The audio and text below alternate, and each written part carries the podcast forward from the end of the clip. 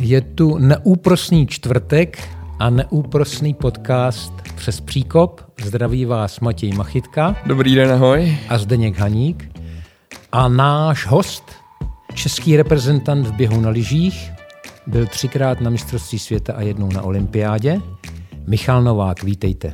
Děkuji, zdravím všechny. Ještě než se do toho pustíme, chtěli bychom poděkovat našemu partnerovi, společnosti T-Mobile, která je zároveň oficiálním partnerem českého olympijského týmu. Tenhle rozhovor vzniknul i díky jejich podpoře. Děkujeme a jdeme na to. Přes příkop. Podcast překračující hranice sportu. Místo pro příběhy, které mají sílu inspirovat. A hlavně hosty, co stojí za to slyšet.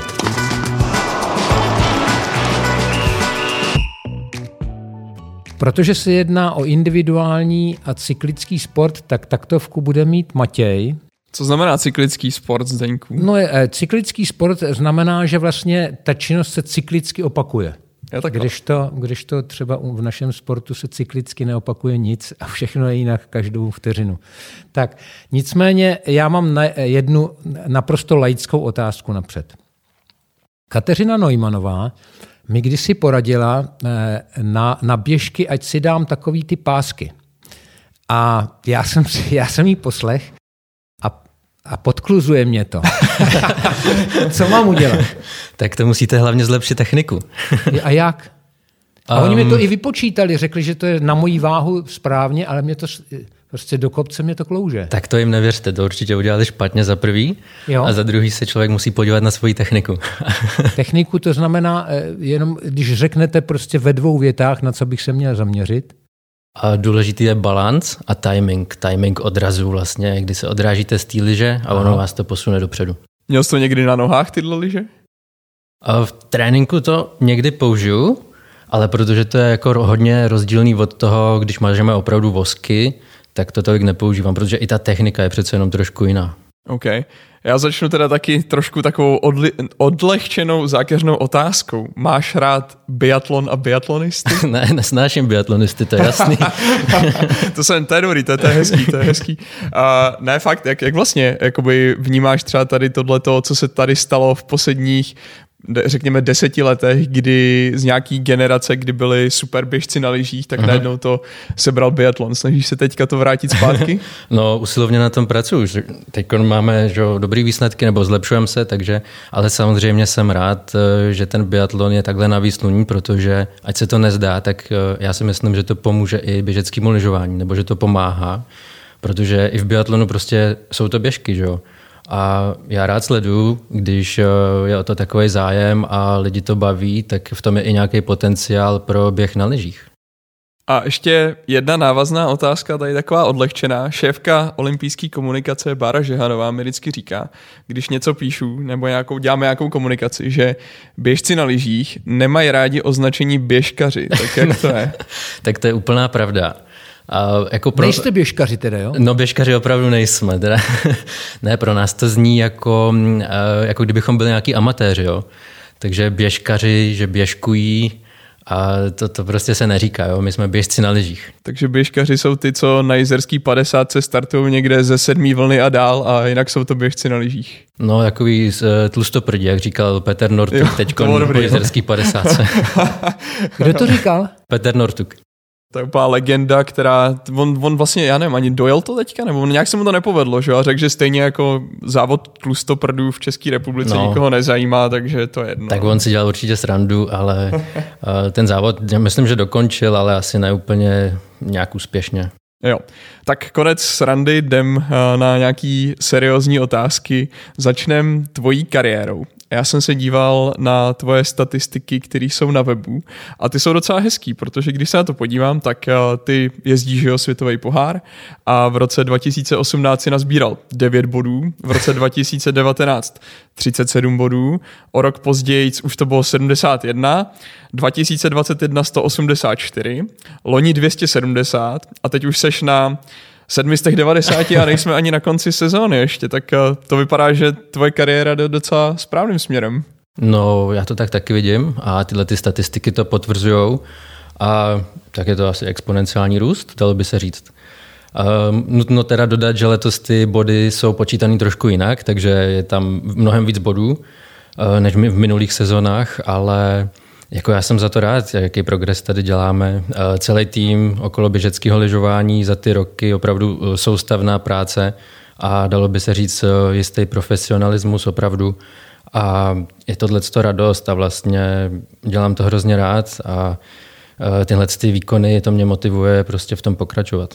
A u tebe je to způsobený i jako věkem, že vlastně před těma čtyřma, pěti sezónama si byl ještě hodně mladý, že jsi ani nemohl jakoby být tak vepředu, nebo je to prostě ta konstantní práce? Tak určitě, určitě i ten věk do toho hraje, jako uh, přece jenom u mužů je ten nejlepší věk od asi 28 do nějakých 30, 32, takže ten věk tam hraje roli, ale myslím si, že i opravdu ta kvalitní práce, uh, díváme se do světa, myslím, že jsme opravdu na vrcholu toho, co se týče vlastně tréninku, a té přípravy celkově.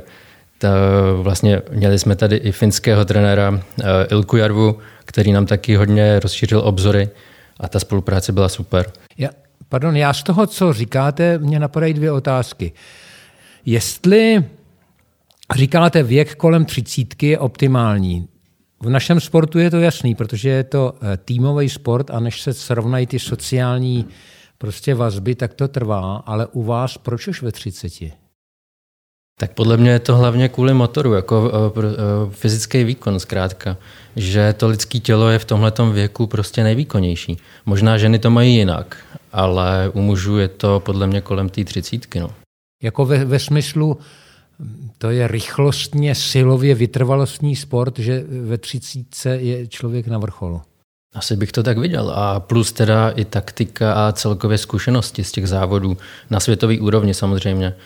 Takže eh, třeba ve sprintu, tak eh, vůbec jak se pohybovat v tom balíku eh, těch závodníků, tak ta zkušenost je, tam hraje obrovskou roli. No a teď ta druhá otázka. My jsme přednedávnem navštívili šéfa Národní sportovní agentury a ten nám říkal, že si cení naší práci České trenérské akademie, ale že bychom měli dělat víc pro individuální sporty a že bychom měli víc pracovat s daty, eh, který mají norové, finové a tak dále, to znamená ty vaše velmoci. Řekněte mi, je to uh, u vás tak, že ty, to know-how se striktně tají, ty, ty velmoci ho striktně tají, nebo máte šanci do toho vidět? Uh, no, ono je to trošku asi rozdělený a právě v té Skandinávii se snaží být hodně otevřený, nebo aspoň se tak tváří. A naopak podle mě jako Spojené státy, částečně Rusko, tak ty jsou uzavřenější.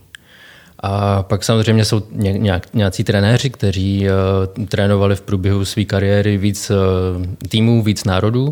A tam je to malinko takový na, jako napůl vlastně, že oni snaží se pomoct nebo snaží se komunikovat a debatovat, ale člověk tam jako cítí, že i něco trošku mají jako skrytýho a nechtějí, nechtějí to publikovat.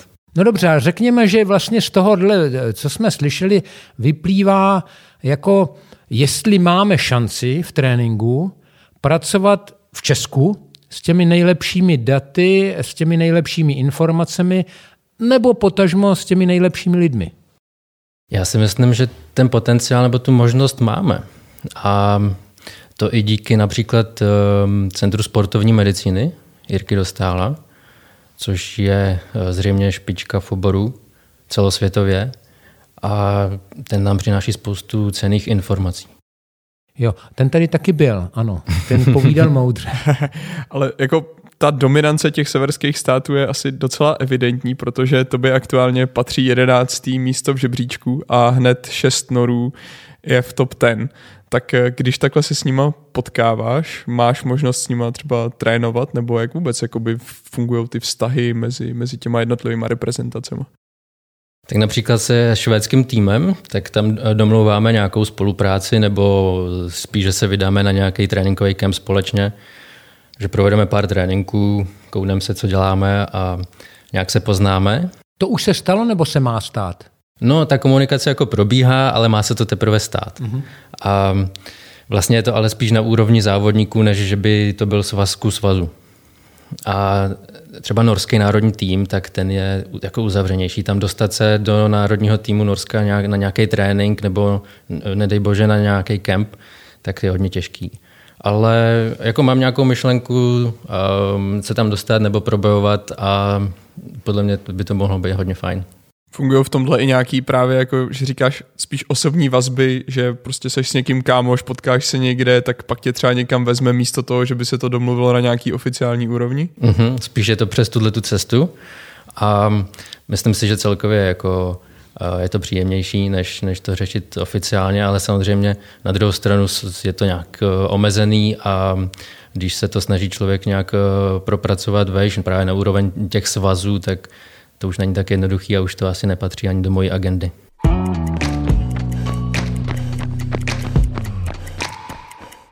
Ty jsi zmínil, že nebo zmínili jsme vůbec důležitost motorů a já jsem viděl, že si dával, že se chlubil, že máš jeden z nejlepších motorů tady, tady v České republice, tak poslouchaj nás i podle mě další sportovci a fanoušci, co vědí, co různé statistiky znamenají, tak eh, dej nám nějaký čísla, jako co, co v, čem seš, v čem seš tak dobrý. Tak asi VO2... Parametry motoru. Parametry motoru, přesně. Tak takový číslo VO2 max, že jo? Tak eh, takový tradiční, jako na co se lidi koukají, tak eh, to bych měl mít jako hodně vysoký. Eh, například v laboratoři CASRY na Dukle, tak tam mi vycházelo 82. U Jirky dostála, myslím, 73 nebo nějaký takový číslo. Ono to je, jak je asi nakalibrovaná ta která laboratoř, takže se to takhle může lišit, ale je to prostě vyšší číslo plus nějaká vitální kapacita plic a podobné čísla, takže... Dáváš si vlastně na těchto těch číslech, jako jsou pro tebe důležitý v tom tréninku, právě když to vezmu z nějakého pohledu jako výkonnostně amatérského sportovce, tak uh, mám rád, že když mi Garmin hodinky mě vždycky pochválej, že vaše VO2 max se zroz, jako zvýšilo. Já jsem si zastavil na maximálně někdy 64, pak už jsem nebyl. To je hodně. Ale jako jo, to, to jsem byl v laboratoři, to bylo dobrý, ale jako je to pro tebe důležitý v tom tréninku?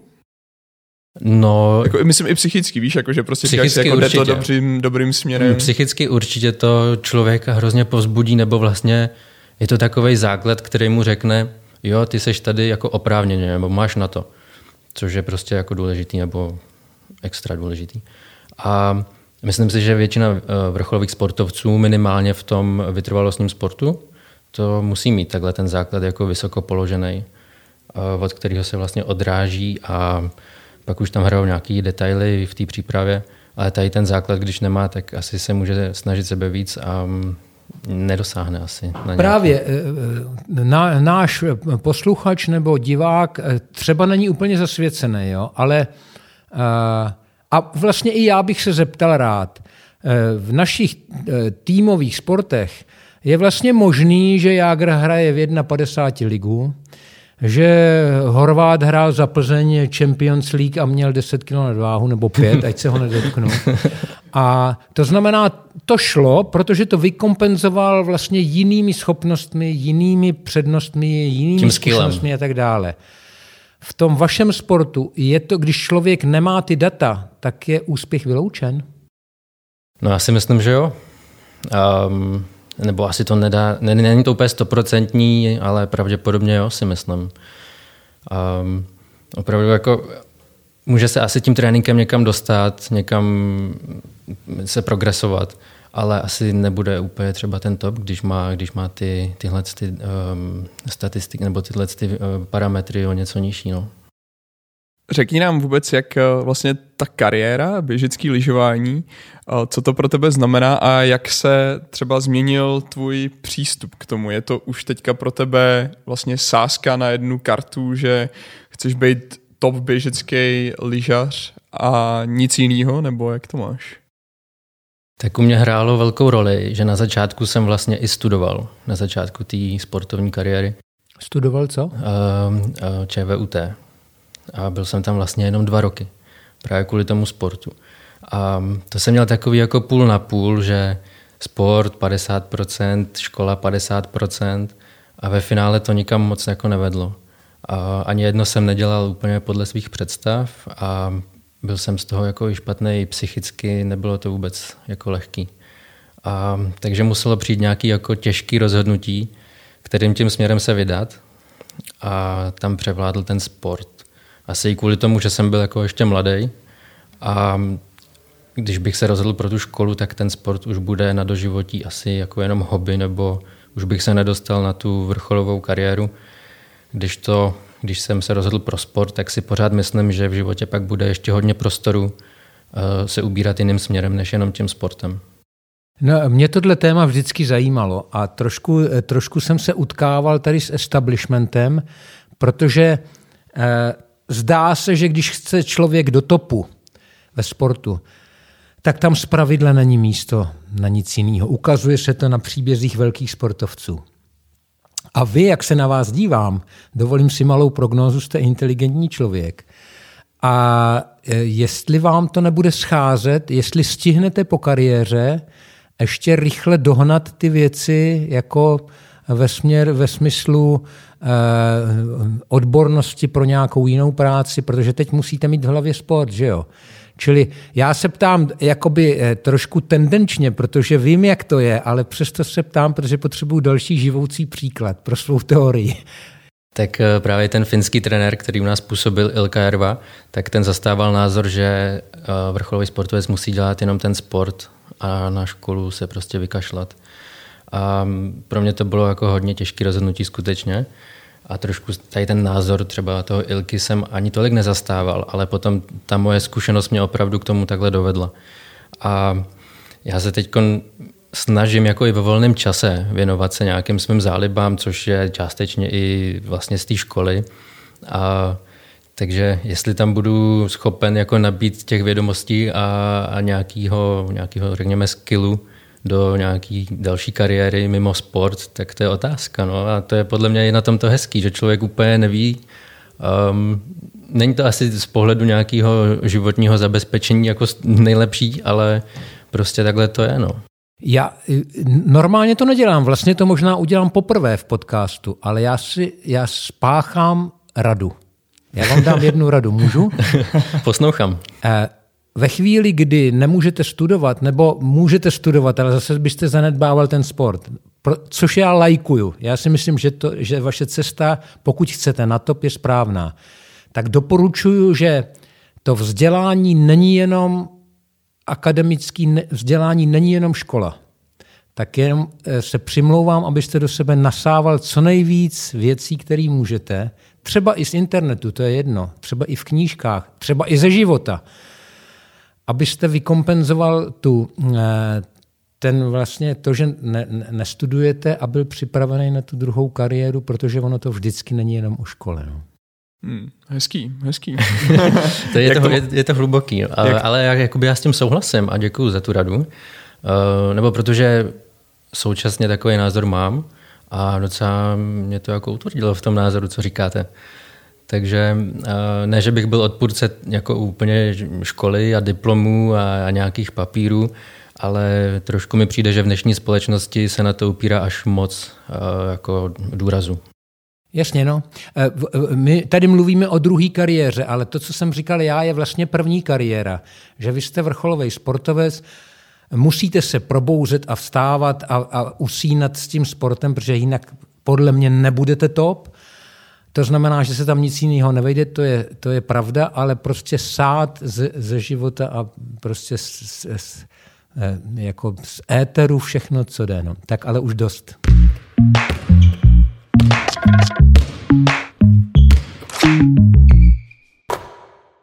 Pojďme teďka k té sportovní kariéře zpátky. Ty se netajíš, že velkou ambicí je příští olympiáda v Itálii v roce 26 v Cortíně do té zbývají ještě tři roky. Máš vlastně už to rozplánovaný, jaká cesta k ní vede? Tak rozplánovaný je to asi dlouhodobě a spíš je to vůbec ten první krok je v mojí hlavě, jestli opravdu chci pokračovat nebo jestli je to opravdu můj cíl. Což e, vlastně po Pekingu minulý rok, tak jsem si řekl, že ano, je to můj cíl a minimálně ty další čtyři roky do toho prostě půjdu úplně naplno. A vlastně potom následuje e, nějaká debata a i trošku filozofická, bych řekl, e, s trenérama, e, s Vasilem Husákem, s Honzou Francem, kteří momentálně jsou u národního týmu. A ty, ti vlastně nastavují nějaký, nějaký dlouhodobý plán a cestu. Samozřejmě mají okolo toho další lidi, jako právě třeba Jirku Dostála. A plus další krok, bych řekl, je, že do toho přidávám i svůj vlastní jako, uh, pohled nebo pocit z mýho těla, co cítím, že potřebuji. Uh, nebo kde cítím, že mám nedostatky a na, na kterých bych měl pracovat. Protože přece jenom jako uh, v těch závodech, že jo, tak uh, ten, kdo to tam odvádí, jsem já. A vlastně ten závod jako, jako takový je pro mě nejlepší feedback, ze kterého můžu poznat, kam bych se jako měl ubírat v tom tréninku nebo kam bych měl progresovat. No, mluvíte o pocitu. A já vím ze své sportovní kariéry, že, po, že jsem znalec svého těla, nebo byl, protože teď už jsem ne, boomer starý, ale, ale že jsem rozeznal, eh, která bolest je zdravá a která je nezdravá. Máte to? No, já na tom pracuju. A já bych nechtěl říkat, jestli to mám nebo ne, protože to by mě mohlo uvrhnout, pokud to mám, tak mě by mě to mohlo uvrhnout do toho, že to ztratím. A to, to bych nechtěl. Jo?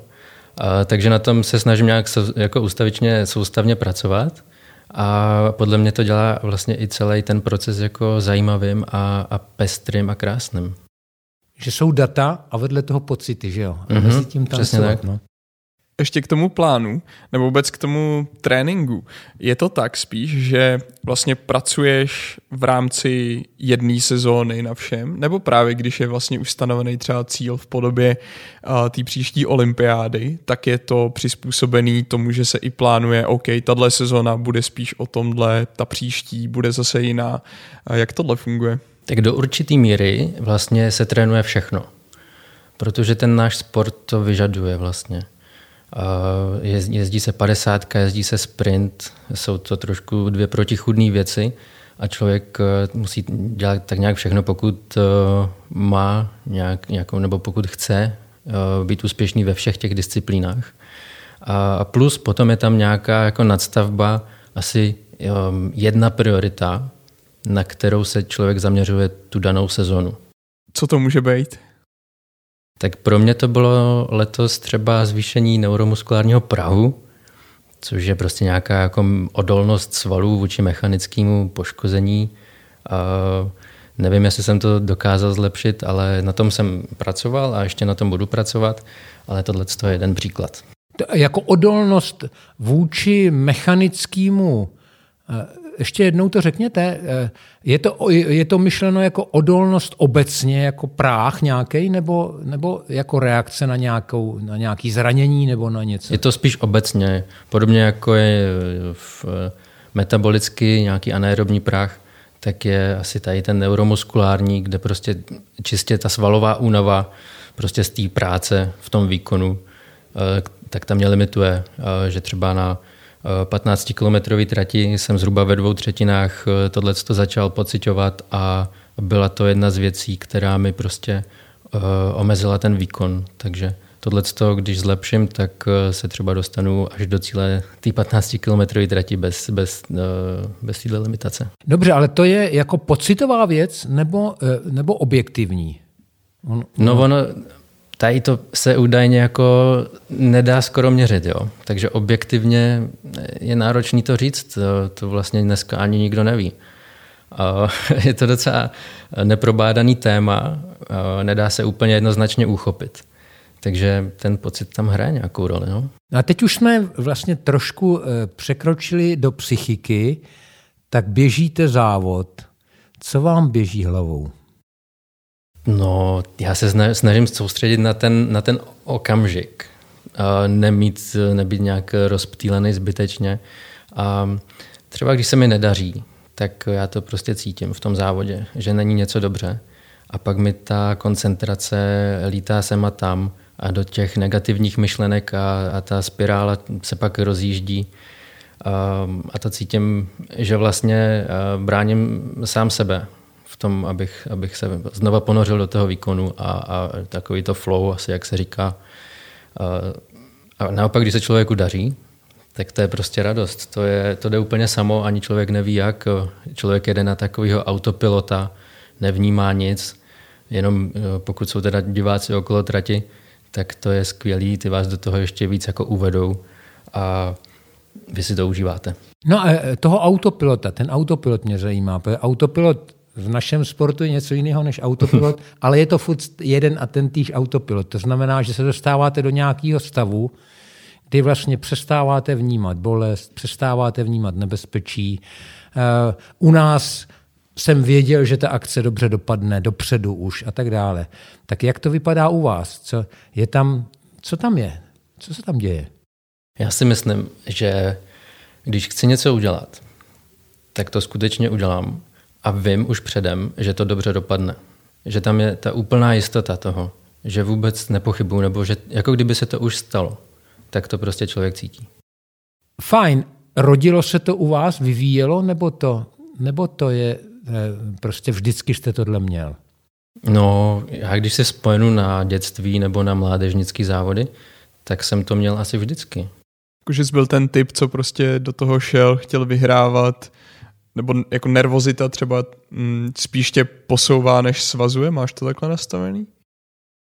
Jo, to bych neřekl. Ta nervozita mě spíš svazuje. Takže já to musím trošku krotit a nějak, eh, nějak uh, uh, posouvat spíš níž tu nervozitu. Uh, ale jako co se týče potom přímo toho okamžiku v tom závodě, tak tam to skutečně ve mně asi vždycky bylo. A tam už ani tu nervozitu tolik nepocituju. Uh, když mám prostě formu a, a ta konzistence jako tak nějak pozitivní, tak prostě opravdu tady v tom autopilotu jako cítím, že tohle musím udělat a já to skutečně udělám a vím, že se to prostě podaří.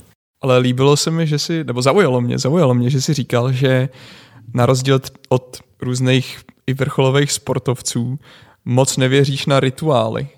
Proč?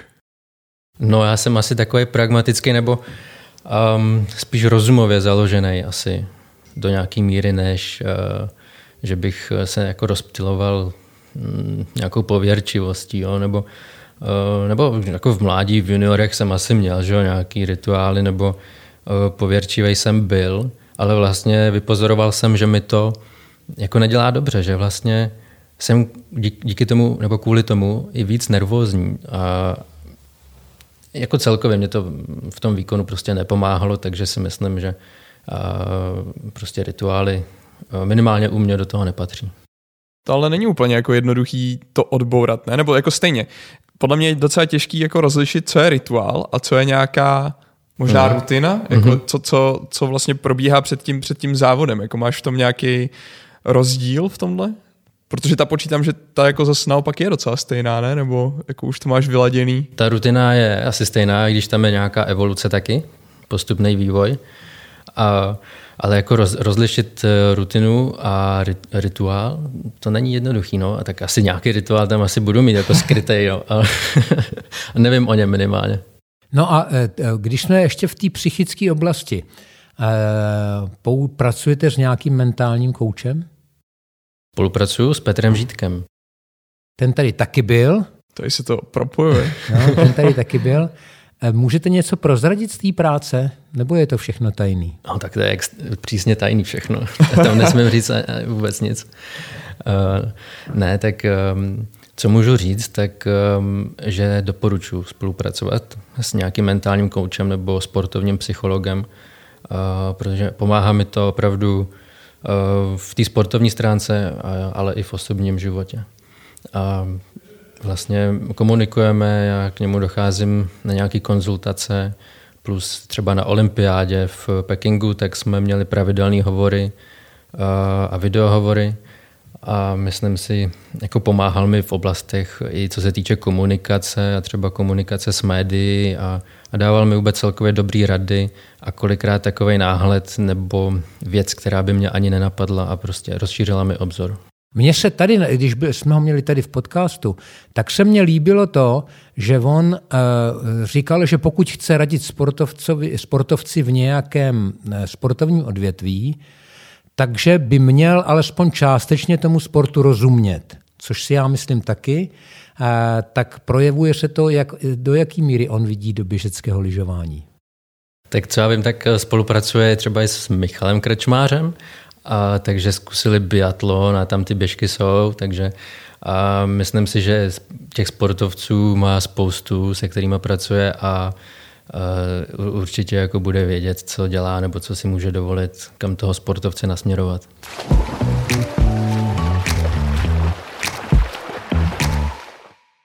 Pojďme ještě trochu na začátek, když se rozhodl vlastně tuhle tu kariéru, kariéru rozjet, tak počítám, že si závodil jako už odmala, ale co tě, co tě v tom ovlivnilo? Viděl jsi takový ty jako highlighty té minulý generace typu Katka Neumannová v Turíně, Lukáš Bauer někde na Tour desky. Prožíval jsi to a proto to vzniklo, nebo jak jsi to měl?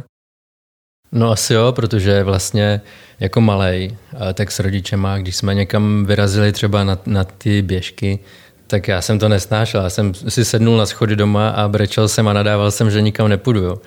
Ale pak uh, jsem to bylo se... v kterém věku třeba? No, já nevím, řekněme 6-8 let, jo, nebo 5, asi tak, no.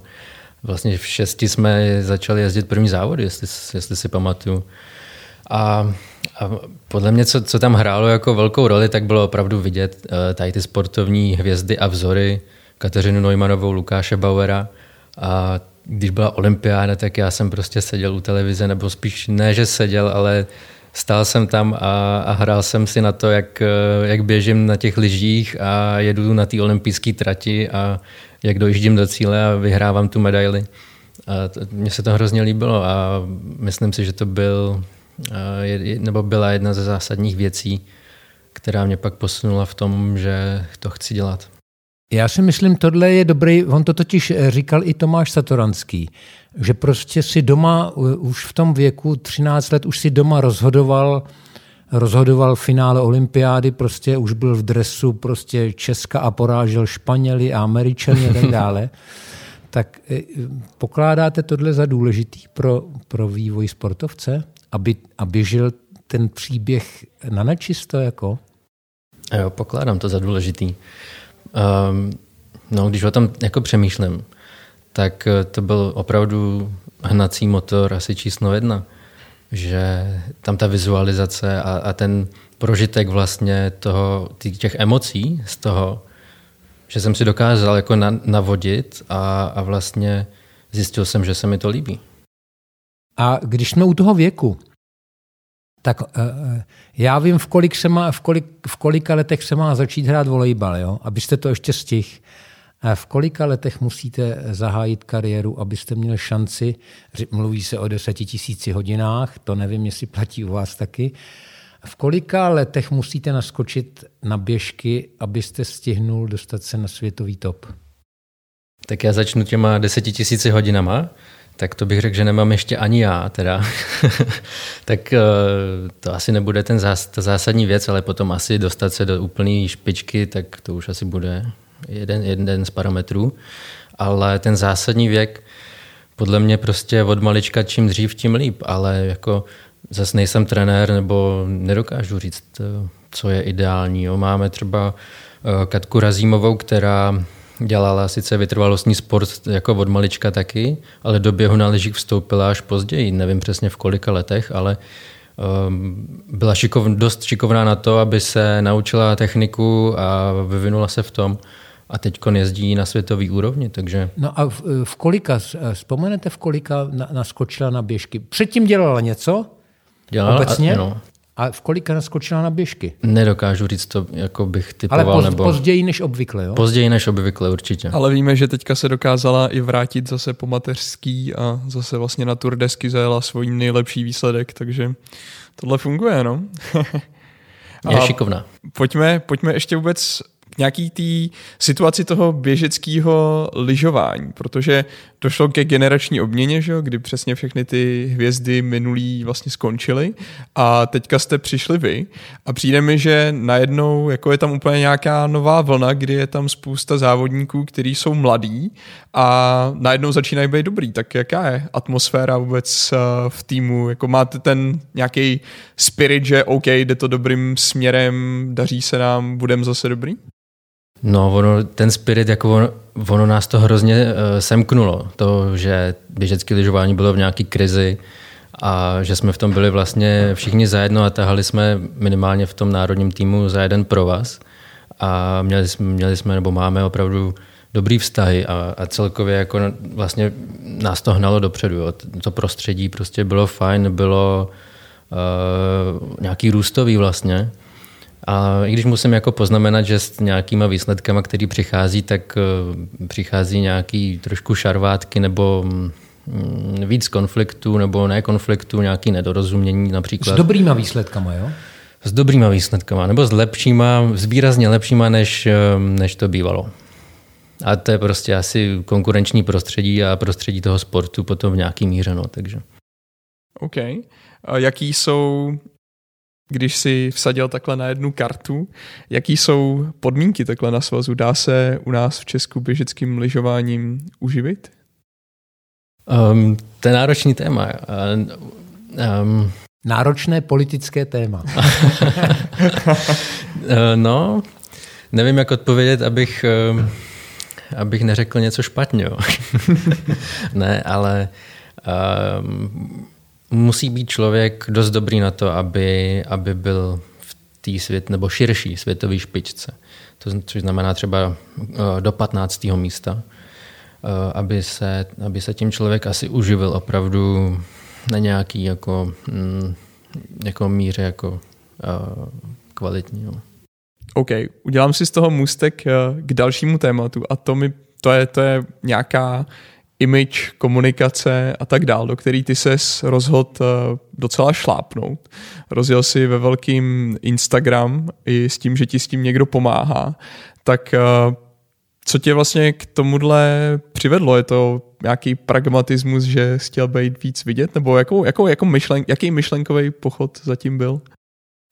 Těch důvodů bylo asi víc a že to je především dobrodružství.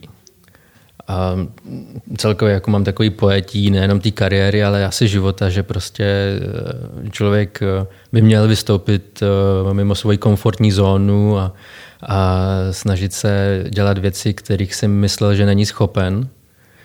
A, takže to byla asi jedna z věcí.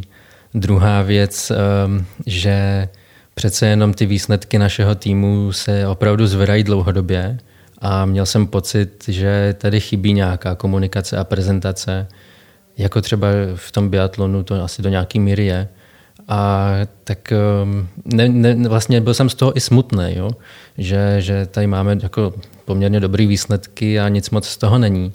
A tak jsem si řekl, tak můžu nadávat, anebo s tím taky zkusit eh, něco udělat. Tak jsem uh, zkusil něco udělat.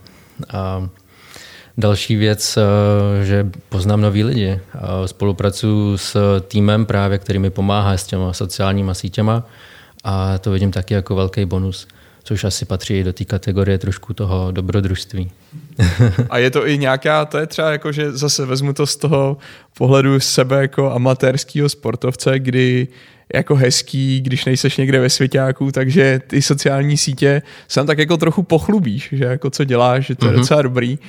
Je to i pro tebe nějaký zdroj dodatečný motivace? Protože jako mně přijde, že některý sportovci mají hrozný problém s tím říkat dopředu třeba nějaký, OK, chci jet takhle, takhle, že vlastně, ale uvidíme.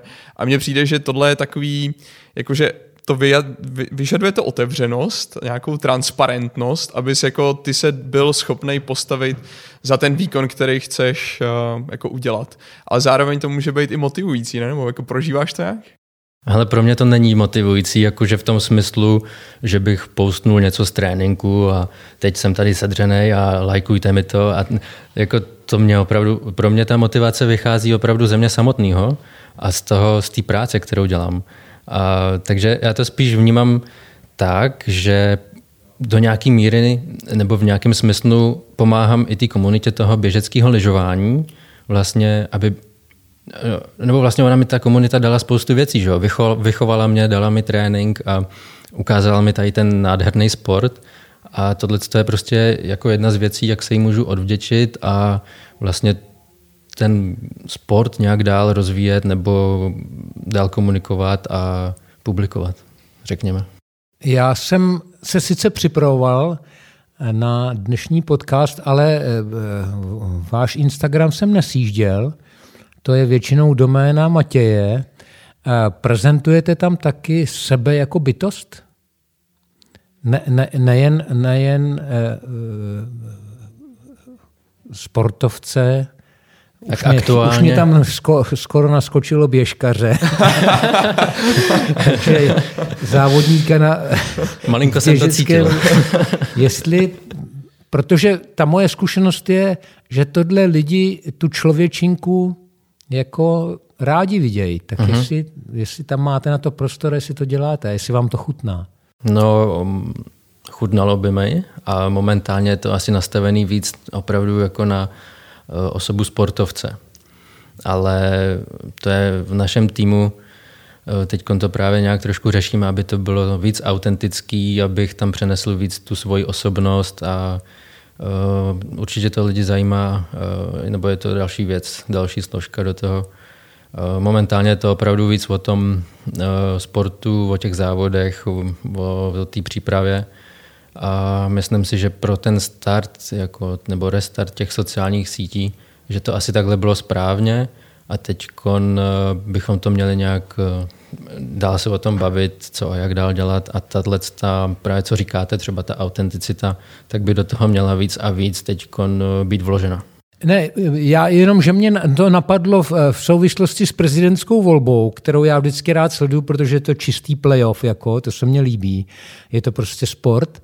A že ta člověčinka u toho zvoleného, nově zvoleného prezidenta hrála na těch sítích strašnou roli. Že jo? Myslím si, že spoustě hmm. lidem vlastně ty kočky a ty motorky a to pivo a tak dále, že prostě, že, že se ukázal nově zvolený prezident jako, jako normální chlap mm-hmm. a že to lidem chutná, no, si myslím. Asi s tím souhlasím, no. Jak se takováhle věc, nebo vím, že ze zkušenosti, že prostě tvorba obsahu a vůbec nějaký, a když si to člověk chce dělat hezký, věnovat se tomu Instagramu, zabere to čas a to je i častý argument, proč třeba některý sportovci říkají, že se tomu neradi věnují, protože jim to kazí trénink, rozptiluje je to. Um, jak se k tomuhle stavíš? Dáváš to? no, nedávám to. ne, tohle to je, eh, podle mě to prostě k tomu sportu patří, k tomu vrcholovému kor. A eh, je to prostě moje práce a tohle k tomu souvisí, že jdu na trénink a eh, zapnu ten telefon a udělám třeba selfie nebo natočím video, napíšu nějaký text a podobně. A, takže musím v tom být trošku zodpovědnější, než jsem a učím se. Učím se možná za pochodu, ale učím se. Partnerem podcastu je T-Mobile. Náš čas je vymezen. Já vám dám takovouhle těžkou úlohu. Zkuste do éteru vzkázat něco mladým lidem, aby se dali na běžky a ne na biatlon. na běžecký lyžování hlavně, že jo? Ne na běžky. Na běžky. na běžecké lyžování, teda jasně myšleno. No, a, tak já si myslím, že jak běžecký lyžování, tak biatlon mají spoustu společného. A u biatlonu vidí lidi na té střelnici, že jo, jak tam jsou ty emoce, podaří se, nepodaří se, ten terč. Ale v běžeckém lyžování je to vlastně taky. Jo. Plus si myslím, že tam ty fyzické výkony, nebo třeba ve sprintu, že když by, to, když by si to vlastně lidi zkusili nebo viděli naživo, že to je opravdu jako rychlost a že to je jak stát do bíků kolikrát a má to prostě eh, jako spoustu emocí v sobě taky. Je to jiný závod než biatlon. Je to podle mě náročnější eh, v tom, že se jede opravdu celou dobu třeba naplno, když to v tom biatlonu musíte trošku před střelnicí že ubírat. Ale to běžecké lyžování opravdu tam se dostanete na hranu prostě fyzických možností a dotýkáte se, já nevím, řekněme, um, přírody nebo nějakého možná smrti částečně a, a pak dojedete do cíle a, a říkáte si, no tak uh, jsem to zvládl a, a jste pišní a je to super pocit. To je moc hezká tečka. Asi bych už neměl moc co dodávat. To znamená, ať vám vydrží ta druhá poloha, kterou cítím vedle vašeho běžeckého lyžování a děkujeme za návštěvu. Děkuji moc, užil jsem si to.